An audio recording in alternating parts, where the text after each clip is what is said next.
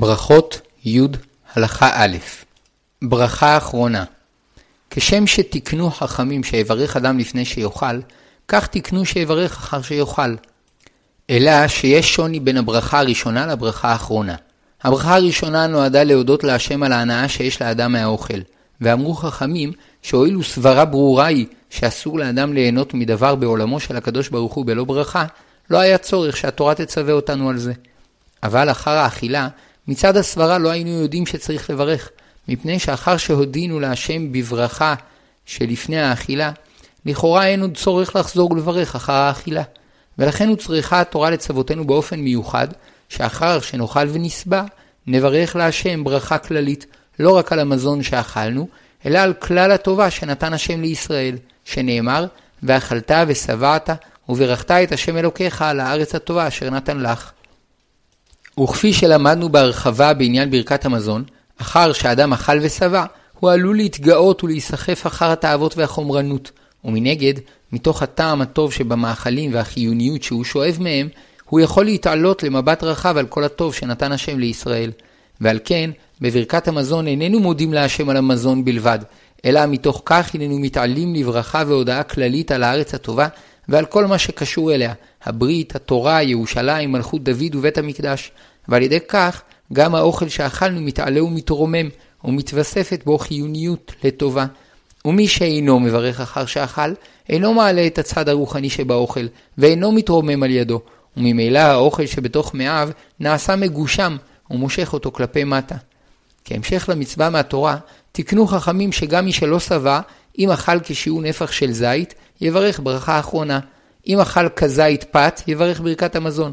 אכל כזית משבעת המינים שנשתבחה בהם ארץ ישראל, יברך מעין שלוש. אכל כזית משאר מאכלים, יברך בורא נפשות.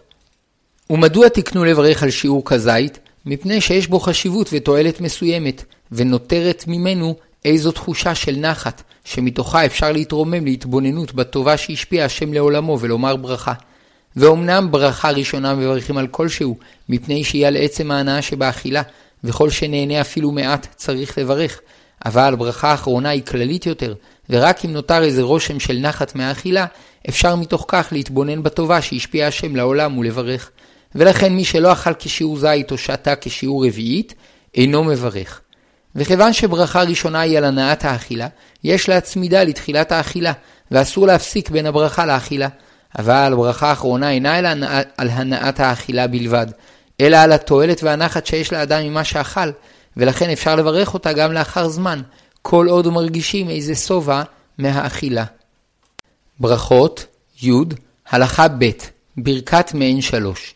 על שבעת המינים מברכים מעין שלוש, ונקרא שמה מעין שלוש, מפני שיש בה תמצית של שלוש הברכות שבברכת המזון. כנגד ברכת הזן, מזכירים בתחילה באופן מפורט את המזון שאכלו. כנגד ברכת הארץ, מזכירים את שבחה שהיא ארץ חמדה טובה ורחבה. וכנגד הברכה על ירושלים, מזכירים את ירושלים והמקדש. וכיוון שהוסיפו חכמים אחר כך לברכת המזון ברכה רביעית, הטוב והמטיב, גם כנגדה תקנו לומר, כי אתה טוב ומטיב לכל. ואף על פי כן, קוראים לה ברכה מעין שלוש, מפני שעיקר ברכת המזון היא שלוש ברכות, שאותן צריך לומר מהתורה. נחלקו הראשונים במעמדה של ברכת מעין שלוש. יש אומרים שמצוותה מהתורה, מפני ששני פסוקים לפני הפסוק שהתורה מצווה אותנו לברך ברכת המזון, נזכרו שבעת המינים שנשתבחה בהם ארץ ישראל, ומשמע שגם אחר אכילתם צריך לברך להשם, שנאמר, ארץ חיטה ושעורה וגפן ותאנה ורימון, ארץ זית שמן ודבש, ארץ אשר לא במסכנות תאכל בה לחם, לא, לא תחסר כל בה, ארץ אשר אבניה ברזל, ומהרריה תחצוב נחושת, ואכלת ושבעת, וברכת את השם אלוקיך על הארץ הטובה אשר נתן לך. אלא שהואיל ויש הבדל בין אכילת לחם, שהוא עיקר מזונו של אדם, לאכילת פירות שבעת המינים, תקנו אחר אכילת לחם להודות ולשבח להשם בנוסח מפורט של שלוש ברכות, ואילו אחר אכילת פירות משבעת המינים, תקנו ברכה אחת מהן שלוש. ויש אומרים שמהתורה חייבים לברך אחר אכילת לחם בלבד, כי רק הלחם נזכר בפסוק הסמוך לציווי, והחכמים תקנו כהמשך לכך לברך מעין שלוש אחר אכילת שבעת המינים, שהואיל ונשתבחה בהם ארץ ישראל, ראוי מתוך אכילתם לומר ברכה חשובה. מיוחדת היא ברכת מעין שלוש, שהואיל ונתקנה על המינים שנשתבחה בהם ארץ ישראל, תקנו חכמים לציין במפורש את סוג המזון. על מאפים או תבשילים ממיני דגן, אומרים על המחיה ועל הכלכלה. על פירות שבעת המינים, שהם זית, תמר, גפן, תאנה ורימון, אומרים על העץ ועל פרי העץ. ועל יין, אומרים על הגפן ועל פרי הגפן. וכיוון שיסוד המצווה להודות להשם על המזון קשור עם שבח ארץ ישראל, אם הפרי גדל בארץ ישראל, מדקדקים לרמוז זאת בחתימת הברכה, על הארץ ועל פירותיה. ואם הפרי גדל בחוץ לארץ, אפילו אם אוכלים אותו בארץ, חותמים על הארץ ועל הפירות. וכשיש ספק אם הפירות גדלו בארץ, אומרים ועל הפירות. וכן כאשר היין מארץ ישראל, חותמים ועל פרי גפנה. ואם מחוץ לארץ, ועל פרי הגפן. בשבת, מועד וראש חודש, מזכירים בברכה את היום המיוחד, שאינה דומה אכילתו של אדם ביום חול לאכילתו ביום מקודש, ואם שכח ולא הזכיר, יצא ידי חובה. ובחנוכה ופורים אין מזכירים את היום. ברכות, י. הלכה ג' מדיני ברכה מעין שלוש. נכון לברך מעין שלוש במקום אכילתו ובישיבה, שיש סוברים שדיני ברכת מעין שלוש כדיני ברכת המזון. אכל מזונות, שתה יין ואכל פירות משבעת המינים, מזכיר בברכה את שלושתם לפי סדר חשיבותם, מזונות, יין ופירות. ואם שכח להזכיר אחד מהם, לפעמים מה שהזכיר כולל גם את מה ששכח ופותר אותו בדיעבד, ולפעמים אינו כולל ועליו לחזור לברך. אכל מזונות כשיעור המחייב ברכה אחרונה, ופרי משבעת המינים או יין בשיעור שיש ספק אם מתחייב בברכה אחרונה, כיוון שממילא הוא צריך לברך מעין שלוש עבור המזונות, יזכיר בברכה גם את הפירות והיין כדי לצאת מספק. אכל מזונות, וחברו אכל מזונות ופירות משבעת המינים, אם זה שאכל מזונות אינו זוכר היטב את הברכה, יכול לצאת ידי חובתו בשמיעת הברכה מחברו, למרות שחברו מזכיר גם את הפירות, שאזכרת הפירות אינה נחשבת הפסק לגביו. האוכל פרי משבעת המינים ופירות עץ נוספים שאינם משבעת המינים, מברך מעין שלוש ופותר את שאר הפירות, שהואיל והוא מודד בברכת מעין שלוש על הפירות, פותר את כל פירות העץ שאכל. אבל אם אכל פרי משבעת המינים ופרי אדמה, מברך מעין שלוש על פרי העץ, ובורא נפשות על פרי האדמה. ואם שתה יין ושאר משקים, כשם שבברכה ראשונה ברכת הגפן פותרת את שאר המשקים, כך ברכת מעין שלוש שעל היין פותרת את שאר המשקים. ברכות, י. הלכה ד' בורא נפשות. מתחילה הייתה ברכת בורא נפשות רשות, ורבי יהודה הנשיא היה מברך אותה רק אחר אכילת מאכלים חשובים כבשר וביצה. במשך הזמן התקבל המנהג כחובה לברך אחר כל אכילה או שתייה בורא נפשות. וכיוון שברכה הראשונה היא על הנעת האכילה עצמה, תקנו חכמים לברך ברכה מיוחדת לכל סוג מאכל, כדי שנודה להשם על כל מאכל באופן מפורט. אבל הברכה שאחר האוכל היא על התועלת הכללית היוצאת לאדם מהאכילה, ולכן תקנו ברכה אחת לכמה סוגים. למשל, אם אכל אורז, פרי עץ, פרי אדמה ובשר, ושתה מיץ, יברך בתחילה ארבע ברכות. מזונות על האורז, העץ על פרי העץ, האדמה על פרי האדמה, ושהכל על הבשר והמיץ. אבל אחר אכילתם יברך בורא נפשות על כולם, שברכה זו פותרת את כל סוגי המאכלים והמשקים חוץ משבעת המינים. בברכת בורא נפשות, אנו מודים ומשבחים להשם שברא נפשות רבות, וברא את כל המאכלים ההכרחיים להשלמת חסרונן כדי שיוכלו להתקיים, ועוד הוסיף וברא מאכלים נוספים כדי שיוכלו להתענג בהם ולהחיות בהם נפש כל חי, שגם התענוג שבמאכלים הנוספים מוסיף חיות לאדם ומעשיר את דעתו ורגשותיו, שלא כמו ברכת שהכל, ברכת בורא נפשות. שברכת שהכל היא ברכה כללית, ובדיעבד פותרת את כל המאכלים, ולכן מי שאינו יודע מה מברכים על מאכל מסוים, יכול לברך עליו שהכל. לעומת זאת, בברכה האחרונה, אין ברכה אחת פותרת חברתה, שאם חייב לברך מעין שלוש, אינו יכול לברך במקום זאת בורא נפשות, וכן להפך. ברכות, י, הלכה ה', שיעור כזית לברכה אחרונה. האוכל אפילו כלשהו, כיוון שנהנה ממנו, חייב לברך עליו בתחילה. אבל ברכה אחרונה, מברך רק מי שאכל לכל הפחות כשיעור זית, שכן אמרו חכמים, אין אכילה פחותה מכזית. כלומר, האוכל פחות מכזית, אכילתו מועטה כל כך, עד שאינה חשובה לעיקרי אכילה. בעקבות הגלויות, נתעורר ספק בשיעור נפח הזית. יש אומרים שהוא כגודל הזית המצוי בארץ ישראל, ויש אומרים שהזית שמצוי אצלנו קטן מהזית שדיברו בו חכמים, ושיעור זית שדיברו בו חכמים הוא מעט פחות משליש ביצה, ויש אומרים שהוא כמחצית הביצה, ואף שנראה מהרבה ראשונים שהזית שדיברו בו חכמים הוא הזית המצוי אצלנו, או מעט פחות משליש ביצה, כיוון שכלל נקוט בידינו ספק ברכות להקל, נפסק להלכה שאין לברך ברכה אחרונה על פחות משיעור נפח של מחצית ביצה בינונית של ימינו. ואפשר להסביר שהואיל וכך נהגו ישראל, האוכל פחות משיעור מחצית ביצה, אין אכילתו חשובה לעיקרי אכילה לפי תפיסתנו, ולכן אינו יכול לברך ברכה אחרונה.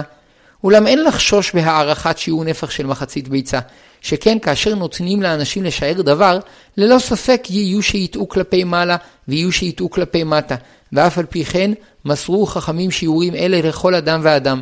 בנוסף לכך, למדנו שלדעת רוב הראשונים, שיעור זית קטן בהרבה משיעור מחצית ביצה, ורק מחמת הספק הננו מחמירים שלא לברך על פחות מנפח חצי ביצה. לפיכך, כל שנראה לאדם שאכל כשיעור נפח חצי ביצה, מצווה עליו לברך. ברכות, י', הלכה ו', נפח ולא משקל. השיעורים שדיברו בהם חכמים הם שיעורי נפח ולא משקל, שכן ברור שיהודים לא הסתובבו עם משקל בכיסם, ולכן חכמים נתנו את שיעוריהם לפי דברים המצויים כזית וכביצה. וכפי שלמדנו, ההוראה למעשה היא ששיעור זית כחצי ביצה, ואם יש במאכל חללים גדולים, אין מחשיבים אותם לשיעור הנפח, אבל חללים קטנים שאינם ניכרים כל כך, אינם משנים את החשבון. וכל שנראה שנפחו של המאכל הוא כחצי ביצה, כולל החרירים הקטנים, מברכים עליו ברכה אחרונה. אמנם היו מפוסקי הספרדים שנהגו למדוד את השיעורים במשקל, וזאת מפני שקשה להעריך את הנפח, שלפעמים המאכל ארוך ולפעמים מרובע, ולפעמים יש בו חללים גדולים שאינם מצטרפים לנפח. בנוסף לכך, יש סוברים שיש להפחית משיעור הנפח גם את החרירים הקטנים, וקשה מאוד לשער את נפחם, ועל כן נעזרו במשקל. אבל גם הם מסכימים שכעיקרון השיעור תלוי בנפח ולא במשקל, וכך היה מנהג ישראל מימים ימימה לשער לפי נפח, ולצרף גם את החרירים הקטנים לשיעור, ורק חללים גדולים, שאינם חלק מהמרקם של המאכל, אין מצרפים לשיעור, וכך ההלכה. למשל, בלחם, את החללים הגדולים שנוצרים בו לפעמים, אין מצרפים לשיעור, אבל את החרירים הקטנים שמלווים את כולו, מצרפים לשיעור חצי ביצה. וכן הדין בפריחיות אורז, פופקורן, במבה, קצפת, כדוגמת הקצפת שבקרמבו, וכיוצא בהם, שהואיל ואין בתוכם חללים גדולים, הולכים לפי הנפח שלפנינו. וכל אדם צריך ללמוד להעריך את המאכלים ביחס לחצי ביצה, וכדי להתרגל בכך, טוב להעמיד ביצה או חצי ביצה כנגד מאכלים שונים, וכבר למדנו שאין צריך לחשוש בזה יותר מדי, שכן חכמים נתנו לכל אדם את הסמכות להעריך את השיעור בעצמו, למרות שייתכן מאוד שיטעה מעט כלפי מעלה או מטה. ברכות, י', הלכה ז', שיעור אכילת פרס. אכל את שיעור הזית בהפסקות גדולות, אם עברו מתחילת אכילתו ועד סופה פחות מכשיעור של אכילת פרס, שהוא שיעור הלחם שהיו רגילים לאכול בארוחה אחת, עדיין נחשבת אכילתו כאכילה אחת, ויברך אחריה ברכה אחרונה. אבל אם אכל את שיעור הזית במשך זמן ארוך יותר, אין אכילתו נחשבת כאכילה אחת, ואינו מברך עליה ברכה אחרונה. אלא שנתעורר ספק כמה דקות בפועל לוקח לאדם ממוצע לאכול שיעור פרס. לדעת המעריכים, תשע דקות, ולדעת המקצרים, שלוש דקות. למעשה, טוב לגמור את שיעור הכזית בתוך ארבע דקות. ומכל מקום, מי שאכל כשיעור זית חצי ביצה בתוך שש דקות, חייב לברך, שכן שיעור אכילת פרס נקבע לפי רוב האנשים, וכיוון שבמדידות שונות יצאו שיעורים שונים, יש ללך אחר השיעור הממוצע שהוא כשש דקות. ברכות, י', הלכה ח', הידורים בדין השיעורים, בריאה וחזית. יש אומרים שהאוכל בריאה שלמה, כגון עיניו אחד, או גרעין רימון, חומוס ואפונה, צריך לברך ברכה אחרונה. ואף שאין בו שיעור זית, כיוון שיש לו חשיבות מיוחדת, שהוא בריאה שלמה, יש לברך עליו ברכה אחרונה. ואומנם נפסק להלכה שכל שלא אכל כשיעור זית אינו מברך. מכל מקום, לכתחילה, כדי שלא להיכנס לספק, ראוי שלא לאכול בריאה בלי לאכול שיעור המחייב ברכה אחרונה. ואם ינגוס חתיכה מהבריאה, ואחר כך יאכל את השאר, כיוון שלא הכניס לפיו את כל הבריאה בפעם אחת, אינו נחשב כאוכל בריאה. וכן אם אינו בולע את הגרעין, כדוגמת הגרעין של תמר, זית ודובדבן, אינו נחשב כאוכל בריאה. וכן ראוי למהדרים לאכול או פחות משיעור זית שלנו, ואז לכל הדעות לא יברכו ברכה אחרונה, או כשהוא נפח חצי ביצה ומעלה, ואז לכל הדעות יברכו ברכה אחרונה. אבל אם יאכלו נפח של זית עד פחות מנפח חצי ביצה, לדעת חלק מהפוסקים, יצטרכו לברך, אולם בפועל לא יברכו, שספק ברכות להקל. וכל זה הוא לרוצים להחמיר על עצמם, אבל על פי הדין אין בזה חובה, והרוצה לאכול כשיעור מסופק, רשאי, ואחר כך לא יברך ברכה אחרונה, כדין ספק ברכות להקל. ברכות, י, הלכה ט', שיעור ברכה אחרונה בעוגה. האוכל כשיעור זית עוגה, היינו נפח של חצי ביצה, מברך על המחיה.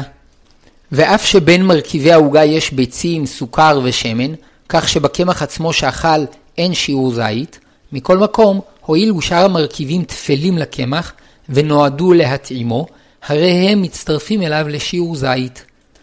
ובתנאי שהקמח יהיה לפחות שמינית משאר המרכיבים.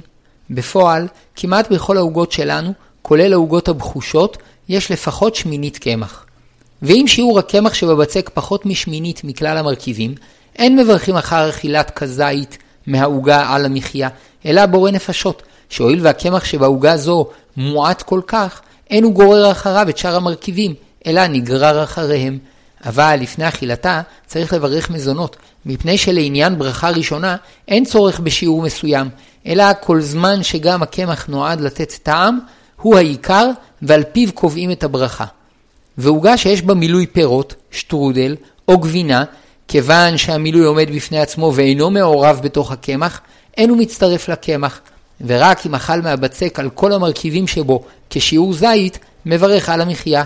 ואם אין בבצק שיעור זית, אבל יחד עם המילוי יש שיעור זית, יברך בורא נפשות. ברכות, י, הלכה י, שיעור ברכה אחרונה בשתייה. יש אומרים שדין שתייה כדין אכילה, והשותה כנפח חצי ביצה, חייב בברכה אחרונה. ולדעת רוב הפוסקים, רק השותה רביעית הלוג, שהיא כנפח ביצה ומחצה, חייב בברכה אחרונה. וכיוון שהדין שנוי במחלוקת, נוהגים המחמירים על עצמם שלא לשתות כשיעור של יותר מחצי ביצה ופחות מרביעית, כדי שלא להיכנס לספק. אולם למעשה, אם שתה פחות מרביעית שהיא נפח ביצה ומחצה, לא יברך. לפי חשבון מדויק, רביעית היא 75 מיליליטר, פחות מחצי כוס רגילה. משך הזמן יש אומרים שדין שתייה כדין אכילה, ואם שתה רביעית במשך זמן של אכילת פרס, 6 דקות, חייב לברך ברכה אחרונה. ויש אומרים שדין שתייה שונה מדין אכילה, שהואילו רגילים לשתות ברציפות, אם שתה את שיעור הרביעית לאט מכפי שמקובל לשתות רביעית, אינו מברך ברכה אחרונה. וכיוון שכלל נקוט בידינו, ספק ברכות להקל, כל השותה רביעית מעבר לזמן שמקובל לשתות רביעית, אינו מברך. אבל אם שתה ברציפות תוך הפסקות קלות לגמיעה ונשימה, חייב לברך ברכה אחרונה. לדעת כמה פוסקים, השותה משקה שרגילים לשתותו לאט, כדוגמת קפה חם או מרק, למרות שלא שתה אותו ברציפות, מברך אחריו ברכה אחרונה, מפני שכך היא דרך שתייתו, ויש שנהגו כך למעשה. אולם לדעת הרבה פוסקים, אין לחלק בין שתייה חמה לקרה, וכל ששתה את הרביעית ביותר זמן ממה שרגילים לשתות רביעית ברציפות, אינו מברך ברכה אחרונה. ולכתחילה, כדי לצאת ידי כולם, טוב שיאכל או ישתה מאכל או משקה נוסף, כדי שיוכל לברך עליו בורא נפשות בלא ספק. ברכות, י, הלכה י"א, גבינה, לבן וגלידה, דינם כאוכל. למדנו שיש הבדל משמעותי בין מאכל למשקה, שעל מאכל מברך ברכה אחרונה אם אכל כשיעור זית, חצי ביצה, במשך זמן אכילת פרס, 6 דקות, ואילו על משקה מברך ברכה אחרונה רק אם שתה רביעית, נפח ביצה ומחצה, ברציפות כמקובל. שני סימנים עיקריים מבדילים בין מאכל למשקה. האחד, שהמשקה הוא נוזל, ואם יניחו בצלחת, יתפשט לכל הצדדים. וכאשר אינו מתפשט לצדדים, הרי הוא אוכל. והשני, שאת המאכל לועסים בשיניים, או לכל הפחות לועסים מעט בלשון, ואילו את המשקה שותים. לפיכך, לבן, גבינה, ג'לי, פודינג וגלידה, הואיל ואינם ראויים לשתייה ולועסים אותם מעט בלשון, דינם כאוכל, שאם אכל מהם כשיעור זית, חצי ביצה, במשך זמן אכילת פרס, שש דקות, מברך ברכה אחרונה, ואם ינערו את הלבן עד שיעשה נוזלי, יהיה דינו כמשקה. ומרק, אפילו אם הוא סמיך, כל זמן שהוא מתפשט כנוזל, דינו כמשקה. קרטיב העשוי ממים עם סוכר שהוקפאו, המוצץ או מלקק אותו כשהוא מחוץ לפיו, דינו כשותה, וכיוון שלא ייתכן שיספיק למצוץ רביעית בזמן שרגילים לשתות רביעית, לא יברך אחריו ברכה אחרונה. אבל אם ינגוס את הקרטיב, אפילו אם ימצוץ אותו אחר כך לתוך פיו, דינו כאוכל, ואם אכל כשיעור מחצית ביצה במשך שש דקות, יברך ברכה אחרונה. שתה שיעור רביעית משני, משני מיני משקים שונים שברכתם שווה, או אכל שיעור כזית משני מאכלים שונים שברכתם שווה, מצטרפים יחד לחייב אותו בברכה אחרונה. אבל אם שתה חצי שיעור משקה ואכל חצי שיעור מאכל, אינו מברך ברכה אחרונה, ששיעורי מאכל ומשקה אינם מצטרפים. ברכות י' הלכה י"ב עד מתי יכול לברך? צריך לברך ברכה אחרונה מיד לאחר סיום האכילה או השתייה, ואין להתעסק בשום דבר לפני הברכה, שאין ראוי לאדם לעסוק בעסקיו קודם שיודה להשם על המזון שאכל, ועוד שיש חשש שמא ישקע בענייניו וישכח לברך. ובדיעבד, כל זמן שהוא עוד נהנה ומרגיש שובע ממה שאכל, כלומר כל זמן שהוא יותר שבע ממה שהיה לפני שאכל, עדיין הוא יכול לברך ברכה האחרונה. ולפעמים קשה לשער דבר זה, כי דווקא האכילה מעוררת את התיאבון, ומכל מקום, בתוך חצי שעה מסיום האכילה, אפשר תמיד לברך בלא חשש. ואם עברה חצי שעה והוא מסופק אם עתה הוא שבע יותר ממה שהיה לפני שאכל, מוטב שיאכל עוד מאותו דבר, ויברך אחר כך ברכה אחרונה.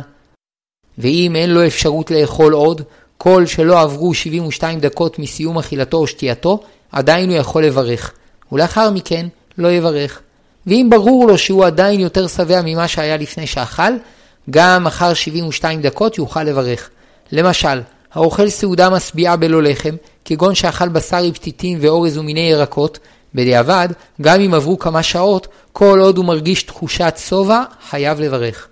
ומשעה שירגיש מעט רעב ויתחיל לרצות לאכול סעודה נוספת, הפסיד את הברכה. ברכות י' הלכה י"ג הטועם ושותה בהפסקות, אימתי יברך. לעתים, אדם מתכוון לאכול במשך השעות הקרובות כמה פירות, או כמה מיני מזונות, או לשתות כמה כוסות, ועולה השאלה, האם נכון שיברך בתחילה ברכה אחת על כל מה שהוא מתכוון לאכול ולשתות, ובסוף ברכה אחרונה על כל מה שאכל ושתה, או שנכון יותר שיברך על כל אכילה ואכילה, ועל כל כוס וכוס, ברכה לפניה וברכה לאחריה. הכלל הוא שאם האכילות והשתיות נחשבות כהמשך, כהמשך אחד, מברך על הכל ברכה אחת. ואם הן נחשבות כמחולקות, כגון שהוא מפסיק ביניהן לזמן רב, או שהוא אוכלן במקומות שונים, עליו לברך על כל אכילה ושתייה בנפרד. ולפעמים גורמים נוספים משפיעים על כך, כגון הנחת המאכלים והקנקן לפניו, או ישיבה עם חברים, ונבאר את ההלכה. היושב במקום אחד ומתכוון להפסיק בין אכילה לאכילה ובין שתייה לשתייה פחות מחצי שעה, נכון שיצרף את כל האכילות או השתיות, ויברך בתחילה ברכה הראשונה על הכל, ובסוף ברכה אחרונה על הכל. ואם מסתבר שיפסיק יותר מחצי שעה, כיוון שההפסק ארוך יחסית, עדיף שיברך על כל אכילה ואכילה, ועל כל שתייה ושתייה, ברכה ראשונה ואחרונה. ומכל מקום, כל שהוא מפסיק פחות מ-72 דקות בין אכילה לאכילה ושתייה לשתייה, עדיין יוכל בדיעבד לברך על כל האכילות והשתיות ברכה אחת לפניהן וברכה אחת אחריהן. ואם הניח לפניו צלחת פירות או צלחת עוגות או קנקן לשתייה, כיוון שהם עומדים לפניו, והוא מתכוון להמשיך לאכול או לשתות מהם, הרי שכל מה שהוא אוכל ושותה מהם, נחשב כהמשך אחד. ולכן, גם אם הוא מפסיק יותר מחצי שעה, מוטב שיברך ברכה אחת בתחילה על הכל, וברכה אחת לאחר שיסיים את אכילתו או שתייתו.